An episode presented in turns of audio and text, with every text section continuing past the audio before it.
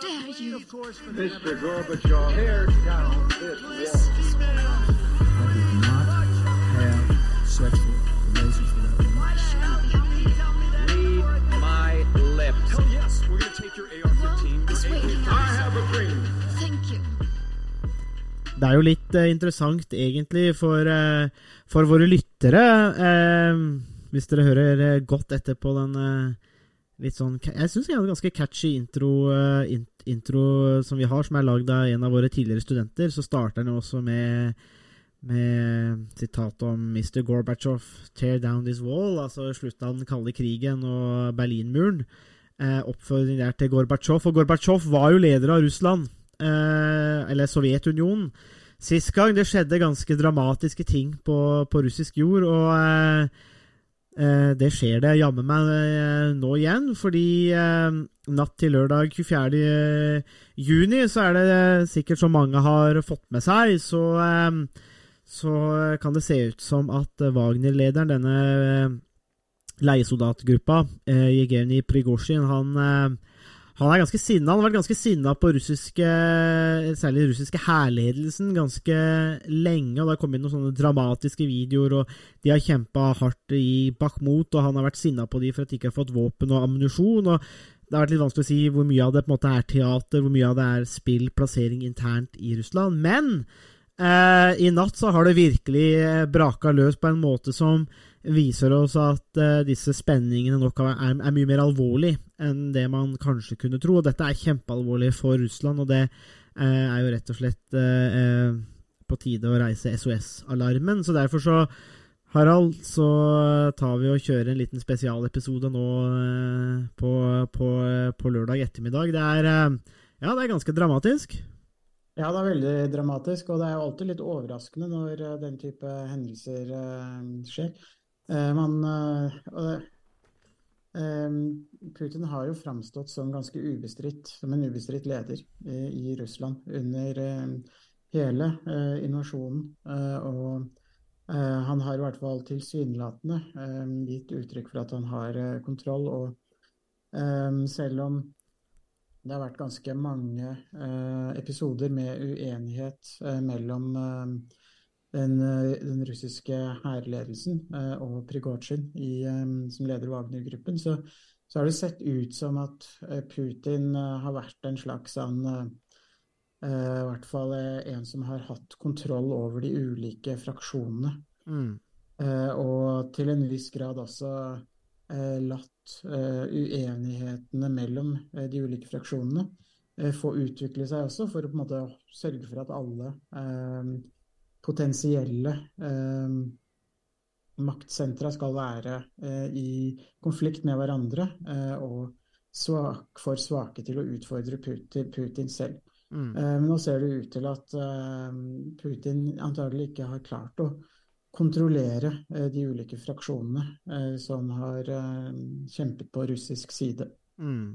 Det er jo under ja, Vi kan jo bare si det. altså det er jo, Selv om de sikkert de fleste har fått med seg, så er det ganske sånn spesielt. da, Som du, som du sier, Putin er jo den sterke leder, og de har gjennomført denne Eller de forsøker da på denne, på denne spesialmilitæroperasjonen sin. Eh, men så pakker altså Wagner eh, langt på vei troppene sine sammen fra fronten, reiser over grensa. Eh, blir, møter ikke så mye motstand eh, ved, ved grensa egentlig, og blir tatt godt imot. Og så tar de også byen eh, eh, eh, der mye av, mye av strategien og, og ledelsen altså for invasjonen i Ukraina blir gjort. Så tar de den, og så fortsetter de, forsyner meg bare oppover eh, M4, motorveien, og kjører inn i Voronezh, og så er de nå ca. 50 mil, da kanskje litt under det, fra Moskva. Og det virker som det at det er dit de er på vei. Eh, med flere av sine Jeg ser noen på Twitter sier at det er en del, noen tusen av, sine, av de beste troppene godt utrusta òg, for å på en måte markere noe. Eh, og Prigozjin har jo sagt at det er jo ikke, de er ikke på jakt etter Putin, eh, men han, er, han vil gjerne ha tak i eh, Sergej Sjajgu eh, og Gerasimov, altså to av de sentrale i, i hærledelsen. og han vil, han vil nok gjerne ha de. og Dette er jo, dette er jo på en måte maktspill. altså Dette er jo på en måte litt Game of Thrones. Eh, som, som, vi egentlig, eh, kom, som vi egentlig ser her. Eh, men det kommer jo inn så, så, så, her er det jo masse som er alvorlig. ikke sant? Du har på en måte det internt russiske, og du har også hva det betyr for krigen i Ukraina. Men vi kan kanskje starte Harald, med, med, med, med mer sånn interne forhold og, og litt, eh, kanskje litt sånn statsvitenskapelig teori. for at Eh, vi er jo ikke en podkast som sitter på de store kildene for hva som skjer internt i Russland eller Ukraina, og på en måte Det kan jo folk sjekke nyhetsdekningen for. Men bare sånn rent statsvitenskapelig òg, så Eller ja, jeg kan jo starte kanskje der. Altså, vi snakka tidlig om, da, dette, da, da krigen brøt ut og Russland invaderte eh, Ukraina, så Eh, var, var, noe av det vi pekte på som svakheter med autoritære regimer, er jo ofte isolasjon, dårlig informasjon, kanskje gruppetenkning, eh, og at eh, det, det, er ganske sånn skal vi si eh, Det er ganske skjøre nettverk, eller skjøre bindeledd, eller limet er ganske dårlig internt i Altså internt, da, i landet. Så Derfor så kan man ofte trenge en, en ekstern fiende for å samle, men, men, men det er ganske skjørt. Uh, og det snakka vi at, uh, tidligere om, at det er noe man ser på i, i statsvitenskapelig litteratur som noe av det som på en måte kjennetegner autoritære regimer. Og på en måte så føler jeg at det vi ser nå, er jo et, slags eksempel på det. fordi at uh, krigen nå i Ukraina altså Jeg ser andre har pekt på det, og av eksperter, at Russland har også vært relativt isolert med pandemien. Eh, og, du har hatt grupper som har isolert seg og fått dårligere kunnskap og kanskje dårligere korreks. og Man har kanskje fått litt hybris, som også har gjort at man tror at man bare kan gå inn i Ukraina og, og bosse og herje på sånn som de vil. Og så skjer det ikke. Men jeg tenker at det her kanskje sier noe om autoritære regimer òg, da. At uh, du kan, Ja, det er lett å gå til krig, men, uh, men, uh, men, men, det, men man må passe seg for det på en måte hvor skjørt det egentlig er internt, og nå ser det ut til å sprekke opp. da. Ja, eh, og autoritære regimer er jo, jo, er jo også tradisjonelt veldig opptatt eh, av hvordan de framstår. Mm. Eh, de, de, har ikke noe særlig sans for ironi og sarkasme, for å si det på den måten. De, de, er, de er, veldig opptatt av at de hele tiden framstår som sterke, og at de har sterke ledere som er ofte veldig litt um, aggressive, macho, veldig maskuline, og som skal uh, helt tydelig måtte gi et, et, et, inntrykk av styrke. Og det er jo også noe som uh, man, man, kanskje Som også kjennetegner um, autoritære um, styresett, at de den, den Eh, den, den, veldig sterke trangen til å fremstå som sterke er jo ofte forsøk på å skjule svakhet.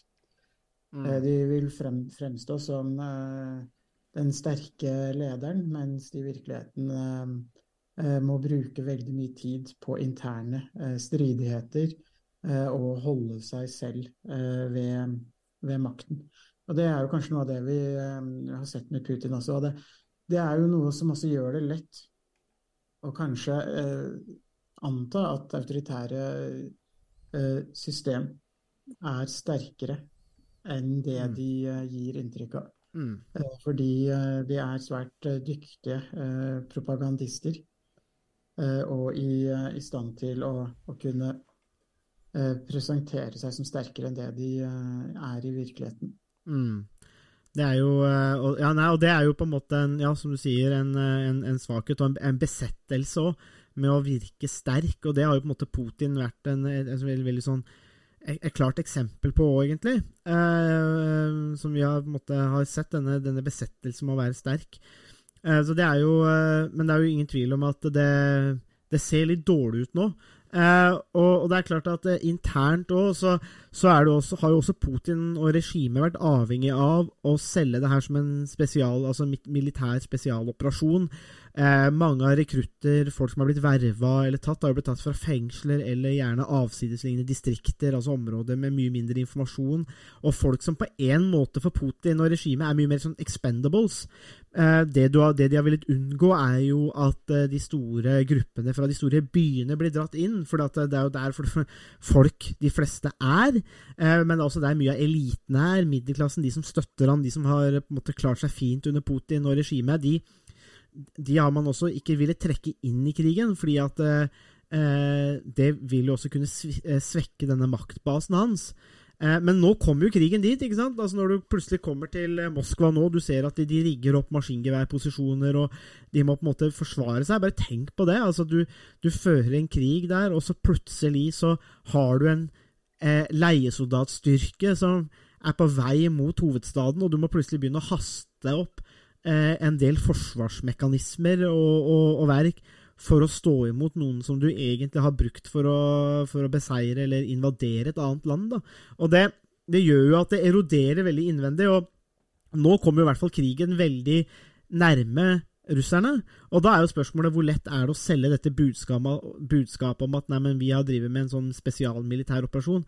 Eh, Du kan godt prøve å selge det til en del russere, men jeg tenker at de som opplever at eh, Wagner-gruppa plutselig står på døra eh, og krever hoder fra den russiske hærledelsen, de vil jo kanskje begynne å tenke eh, hva som egentlig skjer her. Eh, og det er vel kanskje noe som Putin helst ville unngått, da. Ja, absolutt. Eh, og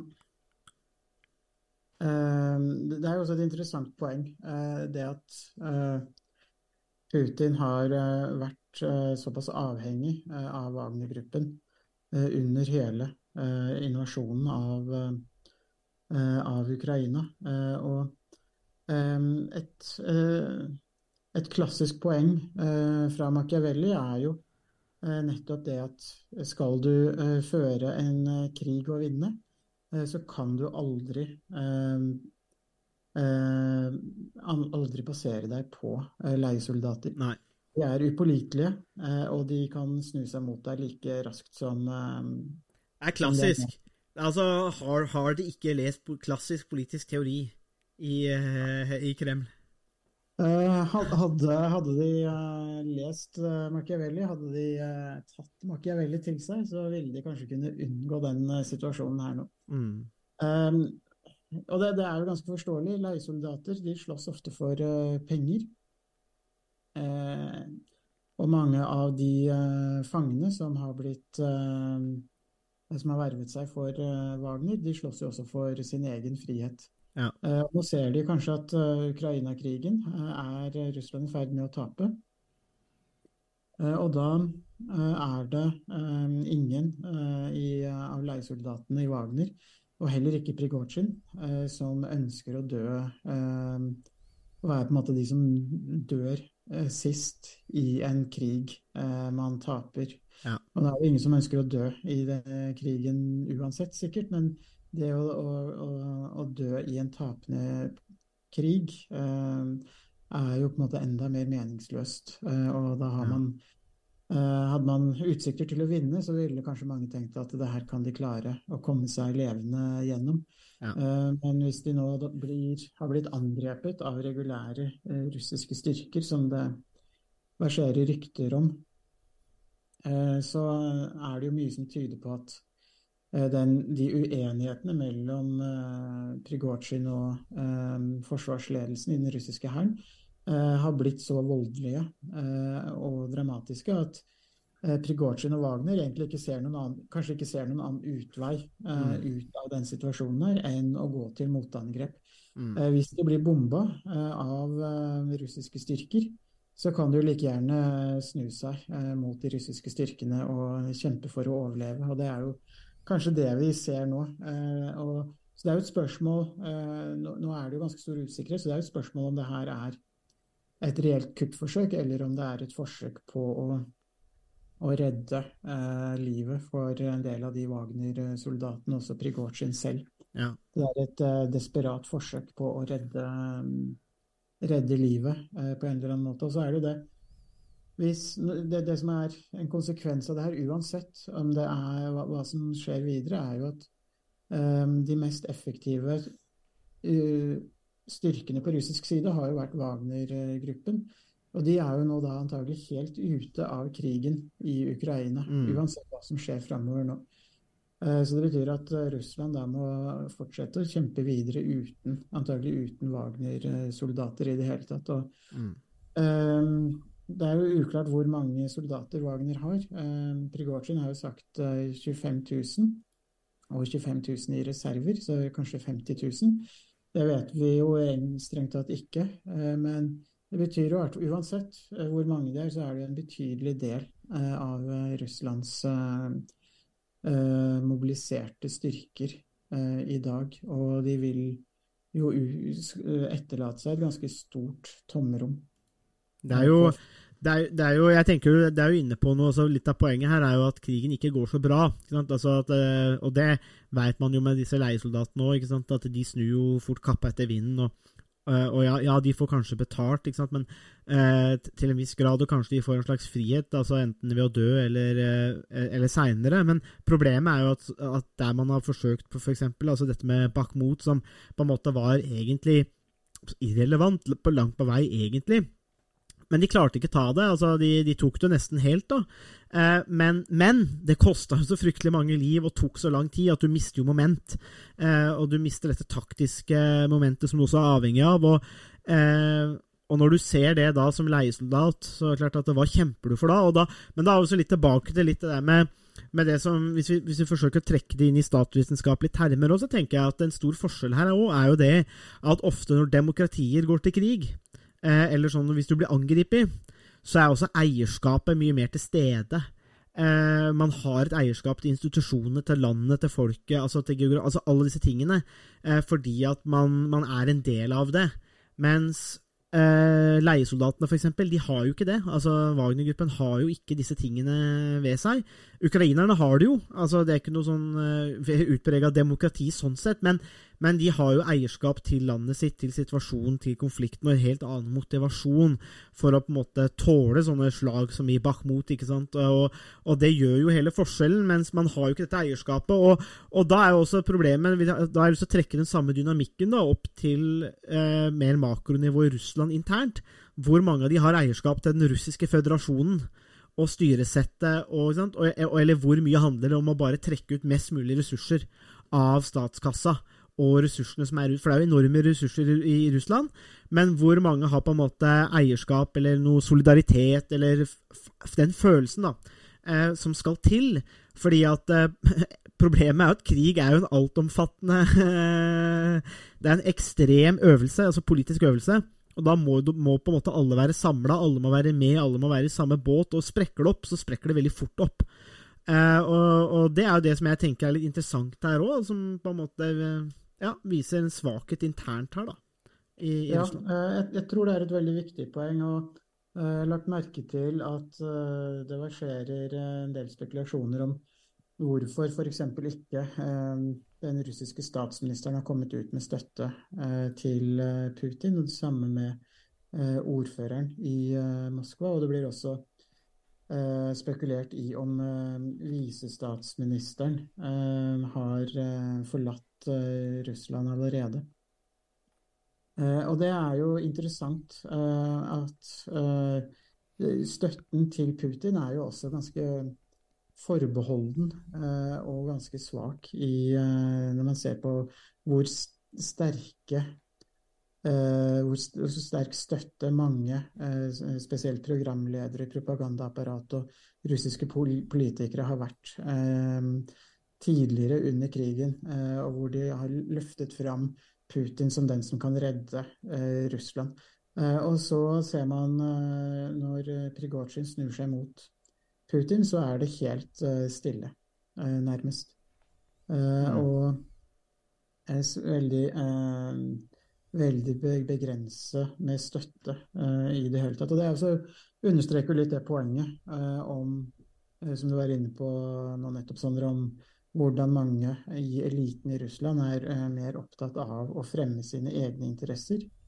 Eh, og at lojaliteten til Russland og til Putin eh, er en lojalitet som de har hatt fordi de har tjent på det selv. Ja. Og når da Putin ser ut til å kunne kanskje tape, og kanskje bli avsatt, så er det jo også mange som, som viser at de ikke har noen eh, lojalitet til, eh, til Russland eller Putin. Eh, og det kan man også si i stor grad gjelder eh, mange i, eh, i den russiske befolkningen generelt. Eh, det har jo vært få eller ingen store protester eller opptøyer eller demonstrasjoner som har blitt rapportert. så langt. Og det ser ut til at Wagner har kunnet overta de, eh, de bygningene som de har tatt i Rostov, uten å bruke nevneverdig eh, makt, og at det ikke har vært noe At ikke politi eller andre sikkerhetsstyrker Mm. har forsøkt å forsvare eh, bygningene eller, eh, eller eh, det russiske regimet. Mm. Eh, Så det tyder jo også på at det her er det kanskje en, eh, en lojalitet som, eh, som i beste fall er sviktende eh, og svak, og Ja, som, som ikke Russland, eller som ikke Putin, eh, eller går, som ikke er eh, til Putin, men til seg selv. Ja, og, men, men det, er sant, det er jo der altså, noe den svakheten er, tenker jeg, i en del autoritære regimer, når det blir sånn kultlignende opplegg, eh, så er jo også lojaliteten veldig lav. Altså, det blir en sånn eh, altså, Ja, det er veldig det er enkelt med altså, skiftende lojalitet, eh, men, men man, man tror denne kultdyrkinga fungerer. Men jeg trekker ofte fram eksempelet eh, da, jeg, da jeg var i, i Beograd, og vi eh, gikk måtte, innom eh, mausoleet til altså Tito, og du så den personkulten som var. Men Tito var jo egentlig en gedigen fiasko eh, langt på vei, fordi at eh, han etterlot seg jo et område som gikk rett i dass, hvis vi kan si det på den måten. Det var jo ingen institusjoner som overlevde. Var, altså Arven etter Tito var jo at alt gikk i oppløsning. Eh, og så kan man på en måte holde fast ved at ja, det var bra under Tito, men, men, men, men det er noe med at eh, du har det som er på overflaten, og så har du det som er under. og Hvis noe på en måte mislykkes med en gang, så er det ikke så fryktelig mye verdt. og eh, og jeg tror jo på en måte at eh, ja, eh, det kan, kan hende Putin blir veldig såra og lei seg ikke sant? når hun ser også på en måte hvor lett det er for Wagner-gruppa å bare dure oppover Russland uten at de som på en måte har sverga lojalitet til han og fedrelandet, stopper de.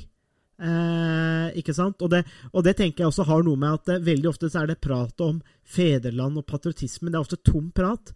Eh, det betyr kun noe hvis du fyller det med konkret innhold.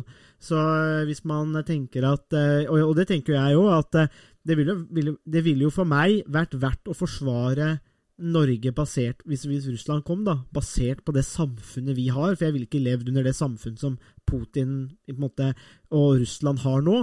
Det, men da har du, en, da har du en, en Da er ikke lojaliteten ikke sant, til Jonas Gahr Støre eller kong Harald.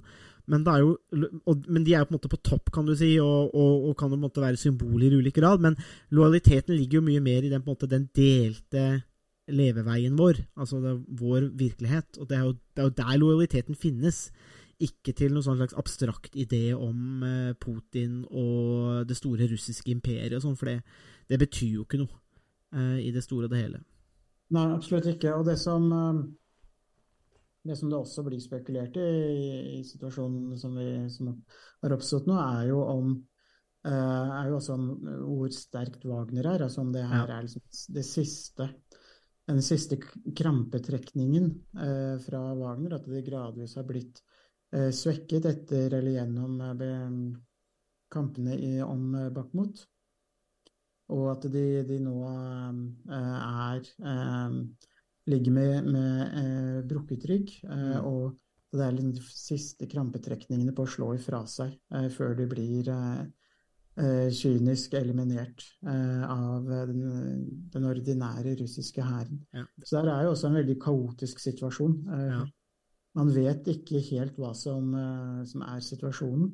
Eh, og det man leser i mange nettaviser, er jo veldig mye spekulasjon frem og tilbake. Eh, og mm, hvis det skal være et kupp, så er man jo også veldig avhengig av tidsfaktoren. Men spørsmålet er om det er et kupp, da. Altså fordi at eh, Ja. Ja, for Prigozjin har jo vært veldig tydelig på at det er ikke Putin som er problemet. Problemet er jo eh, hærledelsen, eller noen i hærledelsen, så det er måte de han vil bli kvitt. Og, så, og Samtidig så sier han jo også at eh, Wagner er jo på en, en marsj for rettferdighet. Ja. Eh, og det er jo så klassisk eh, retorikk fra eh, mange opprørsledere. Ja. Det er vel knapt en revolusjon som ikke har vært en marsj for rettferdighet. ja, og frihet. Ja, ja, ja. Ja. Eh, så, så, så det her er jo Retorikken er jo ganske tvetydig. eh, og det kan jo også hende at Prigozjin liksom tenker bare ok, vi får bare ta sjansen og se hvordan det går. Ja. Eh, og hvis, og hvis han lykkes, så er det jo lett i etterkant å si at vår eh, marsj for eh, rettferdighet eh, Ja. ble kronet med seier eller noe litt sånn svulstig. Mm. Og hvis det ikke lykkes, så kan han jo bare si ja, men det var bare forsvarsministeren jeg ville ja. var ute etter. Jeg har ing- ingenting mot Putin og regimet eller Russland eller fedreland eller hva, Mm. hva man kaller det. Så her er jo også Det er interessant å, se hvordan, eh, hvordan retorikken eh, blir brukt. Det er en liten Eh, helgardering. Ja, det, det er det.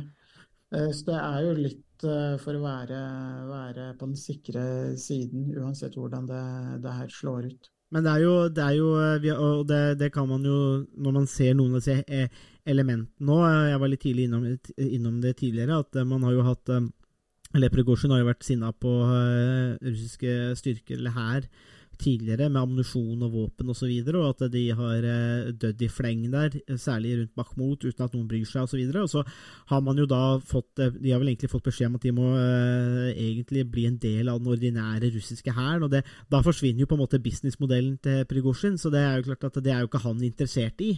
Eh, så det er jo noen elementer her som kanskje pusher Prigozjin og Wagner av gårde, i den retningen her, pluss at man, hvis man også har hatt dette angrepet, da, som vi ikke vet om har skjedd, men hvis det har skjedd, da, at de har blitt eh, angrepet av russiske styrker, så er det klart at det kan jo også trigge et eller annet. At de, det er en slags eksistensiell kamp da, for, eh, for Prigozjin. Men, men eh, Harald, et annet spørsmål til deg. Dette er vel Natos skyld, er det ikke det? Det er jo, det er jo, det er jo det er, det er et interessant poeng her. Fordi at det er jo flere, deriblant noen no- no- eh, nordmenn, men også andre. Eh, ja, vi, jo, vi har jo snakka litt om Mersheimer og andre som har måttet snakke om at det her er krigen i Ukraina og, og, og disse tingene her. Det er Nato og Vesten som pusher Russland til det, og at de må på en måte bare eh, De har blitt tvunget da til å angripe Ukraina. Det må vi bare akseptere i en sånn stormaktskonflikt. Så, så det er jo ingen tvil om at Nato her, egentlig, og sikkert Jens Stoltenberg, er på en måte den som har mest skyld. Men eh, hva, hva, hva, hva tenker vi om akkurat den der nå? Fordi at eh, Prigozjin har også vært veldig tydelig på i, i sine taler at eh, rasjonale, altså bakgrunnen for krigen, har ikke vært denazifisering og disse tingene. Det handler om kupp, det handler om tilraning av ressurser, eh, det handler om langt mer materielle mål enn de, de, de større, og at det rasjonale for krigen har vært feil. altså Man har blitt feilinformert, misinformert, det har vært propaganda. Ehm, og nå får vi denne interne konflikten i Russland som kan ligne det kan ligne starten på en slags borgerkrig eller revolusjon. Så hva, hva tenker vi om denne forklaringsmodellen igjen, eh, nå om Nato og Vesten, og, som har på en måte pusher Russland dit? Ja, jeg, jeg, tror eh, men altså Man kan jo fra et mer sånn russisk eh, propagandaperspektiv, så kan man jo, kan man jo eh, bare fortsette den, den måten å argumentere på. At her, man, her er det egentlig USA og Vesten som står bak vil den skape splid, splitte det russiske samfunnet. At det er det de har hatt som forsøk, har forsøkt på helt siden slutten på den kalde krigen. Eh, Men samtidig så er jo det en, en argumentasjon som, som også virker mer og mer usannsynlig eh, når man ser det som, eh, som skjer i Russland i, i dag. Og mange som skal ha hatt samtaler med, med Putin, de har jo etter samtalene sittet igjen med det inntrykket at Putin mente, eller mener, at Nato eller USA har vært eh, stått bak eh, flere av de såkalte eh, fargerevolusjonene i, eh, i Ukraina. Og ikke tenkt i det hele tatt, eller Putin er på en måte blitt tolka som at han ikke har tenkt i det hele tatt at Ukraina har en selvstendig eh, politisk stemme eller interesser. Eh, og eh, det, det skal da også ha blitt påpekt av noen som en slags motivasjon også for selve invasjonen eh, av Ukraina. Ved å invadere Ukraina så ville Putin eh, unngå at man fikk noen flere sånne fargerevolusjoner eh, som man har sett i eh, Ukraina eh, flere, ved flere anledninger. Eh, og det ville også gjøre det eh, umulig eh, å få et, eh, et demokratisk Ukraina som kunne være et slags eh, eh, speilbilde eh, av eh, et russisk demokratisk samfunn. eh, for å unngå at man fikk et, eh, en tilsvarende eh, fargerevolusjon i, eh, eh, i, i Russland. Mm. Eh, nå vet vi jo ikke, vet vi ikke det, om det stemmer i det hele tatt. Eh, for det er jo vanskelig å være inne i Putins eh, hode, eh, i hvert fall. Men eh, det, det sier jo eh, noe om noen av de måte, mulige eh, argumentene eh, for eh, innovasjonen. Eh, og så er det jo interessant at innovasjonen har jo egentlig snudd det her helt på hodet.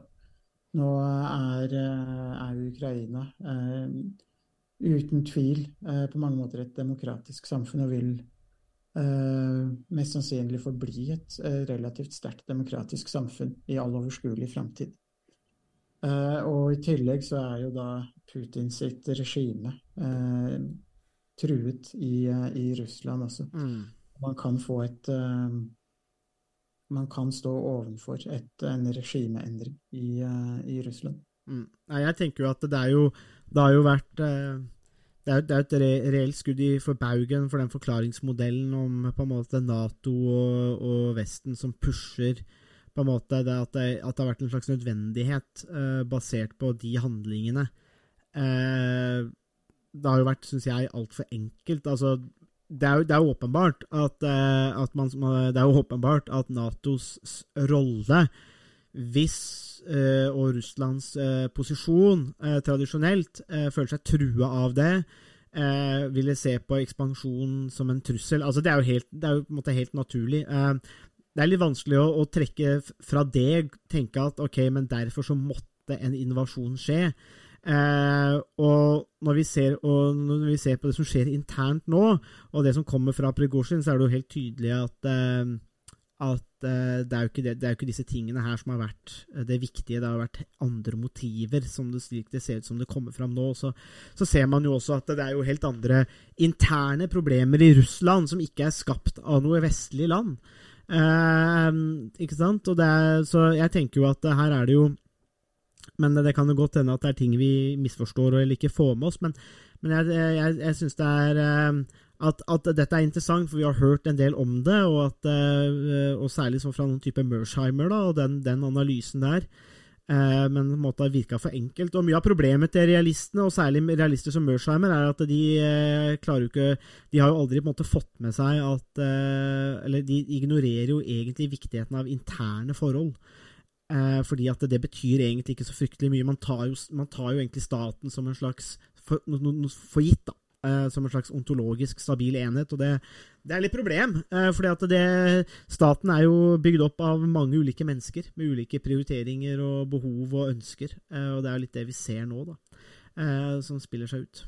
Absolutt, og det er jo altså Vesten eh, og USA kan ikke få skylda for at eh, Russland har hatt problemer med korrupsjon og en del vanstyre og tilkarringsvirksomhet og en eh, oligopolistisk økonomisk modell som måtte ha vært eh, basert på tilkarringsvirksomhet eh, til en viss grad. Og det, det er ikke noe, noe som USA kan ta, kan bli på en måte hans, Det er ikke noe USA har skylda for. Og I tillegg da, så er det jo også sånn at jeg tenker sånn at av den, mange av de den, Mye av den frykten eh, som eh, man, kanskje Putin og andre i den politiske eliten i Russland har hatt for Nato-ekspansjon og også for et demokratisk eh, Ukraina, er jo også det at eh, sett fra det perspektivet de, eh, de har, så, så er det på en måte fordi at de selv kanskje ville forsøke å manipulere Ukraina og andre Ja. stater, så tenker de at da vil alle andre stater eh, agere på samme måte også. Eh, men det eh, stemmer jo i stor grad ikke, det, fordi det er jo ikke sånn at andre stater i Vest-Europa eller i Vesten har forsøkt seg på, på å undergrave Russland på den måten som, som Russland har forsøkt å påvirke valg i andre land og henrettelse av eh, borgere i andre land osv. Så, videre. Mm. så det så det er jo en del viktige, viktige eh, forskjeller mellom det russiske eh, regimet og hvordan andre land har forholdt seg til, eh, til, eh, til Russland. Tyskland har jo eh, gjort, er nesten vært desperate og gjort hva som helst for å trekke Russland nærmere Europa gjennom handel. Ja.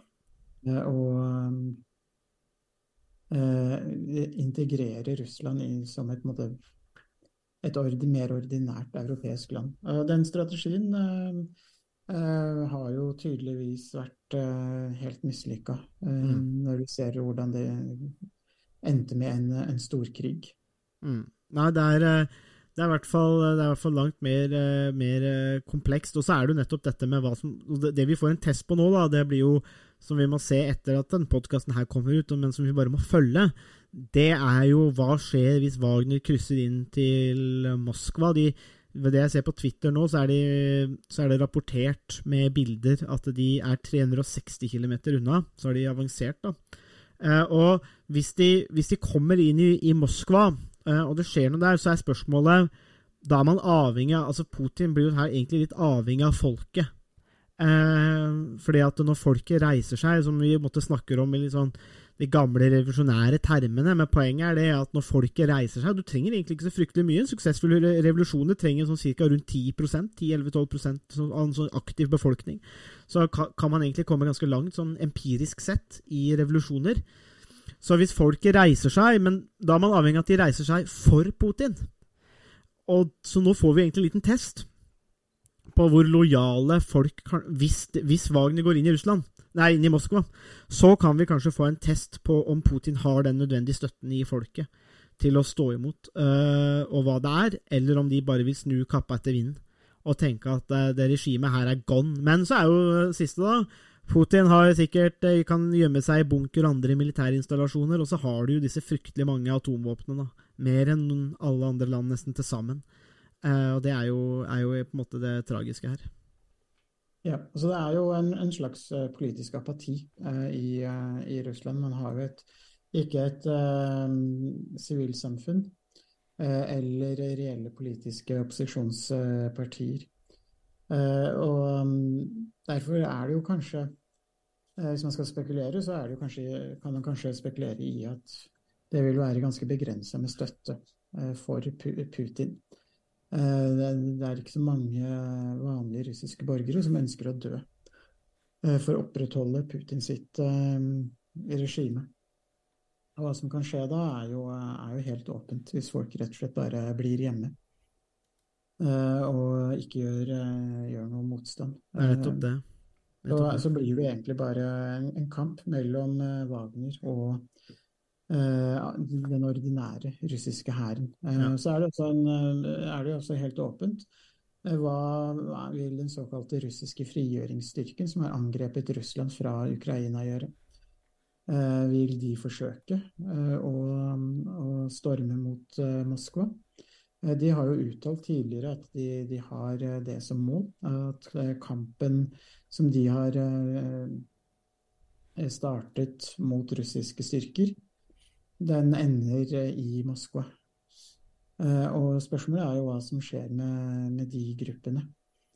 Vil de angripe fra Ukraina og inn i, i Russland? Og fra deler av nordøst-Ukraina så er det jo ikke så langt til, eh, til Moskva heller. Mm. Så de, de har jo også mulighet til å, til å komme til Moskva på, på relativt kort tid. Mm. Nei, det blir, det, blir, det blir spennende å se, eh, og det må jo bare timene vise. Jeg tenker Helt til slutt også, så er det jo det som er det, det siste elementet her, er jo at dette er jo, er jo en gavepakke til Ukraina.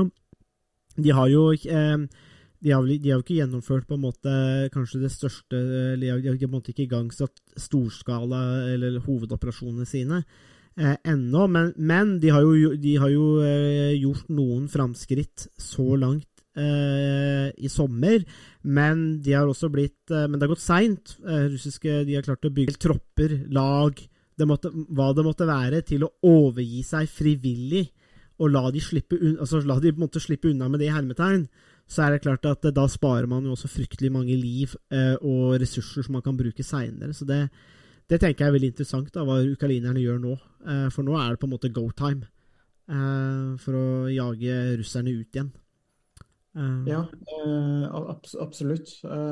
Og det her er det, så det er veldig spennende, det blir veldig spennende å se hvordan Ukraina vil utnytte den situasjonen som har oppstått nå. Det, på en måte så kunne det ikke vært mer heldig at den situasjonen skulle oppstå akkurat nå. Eh, og det har jo også vært eh, spekulert i eh, tidligere at det vi ser nå, eh, kunne skje.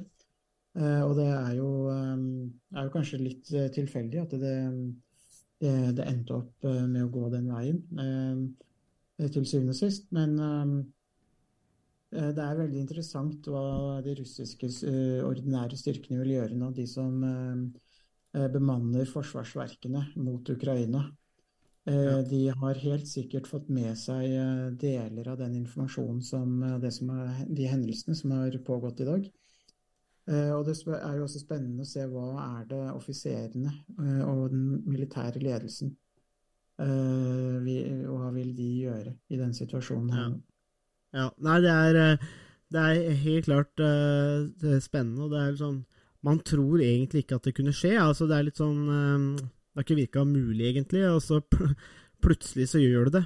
Eh, og, men, men det er jo, det er jo åpenbart at eh, her ligger det ting under som har gnagd, og som eh, fører dette fram. Og, og, og da er i hvert fall, som sagt Mitt, mitt forslag til analyse der òg handler jo litt om det klassiske statsvitenskapelige, egentlig. Eh, med litt dette med hvor skjøre mange autoritære regimer egentlig er. Eh, og ikke minst eh, at Machiavelli gjør et slags comeback her. Men, men, men, men, men, men det er jo men poenget er at det er jo det, Og det er jo et åpenbart poeng, egentlig, dette med disse leiesoldatene. Eh? De, de har jo ikke den lojaliteten. Så det er jo Man, man høster som man sår, eh, er, jo, er, jo, er jo det man sier. Og det er jo på en måte Og så er det en sånn Hvis jeg kan eh, Jeg så tilfeldigvis i går på NRK-arkivet et program med Benny Borg. Man har jo en kjent sang om Morgan Kane. Eh, men også hvordan en, på en, måte, en revolver man skaper sin egen rett. Og det er på en måte Og det går jo ikke så bra med Morgan Kane, og det, går, det kan eh, se ut som det ikke går så veldig bra egentlig med Putin nå. Og det har noe med dette med voldsbruket nå, og hva du baserer styret på. Og, og hvis vi ser i klassisk politisk teori for eksempel, og mye filosofi, så antar man at dette ikke er stabilt. Eh, og at dette ikke kan fungere. Og det ja, får vi se, da. Eh, vi, vi har jo egentlig sagt det ganske lenge her i podkasten, fra da, da det starta. Uh, og jeg tror kanskje vi får rett òg, men uh, det får nå bare tiden vise. Men vi følger med. Dette var uansett en liten spesialepisode av eh, SOS eh, podkast, og nå er jo virkelig SOS. uh, SOS Putin.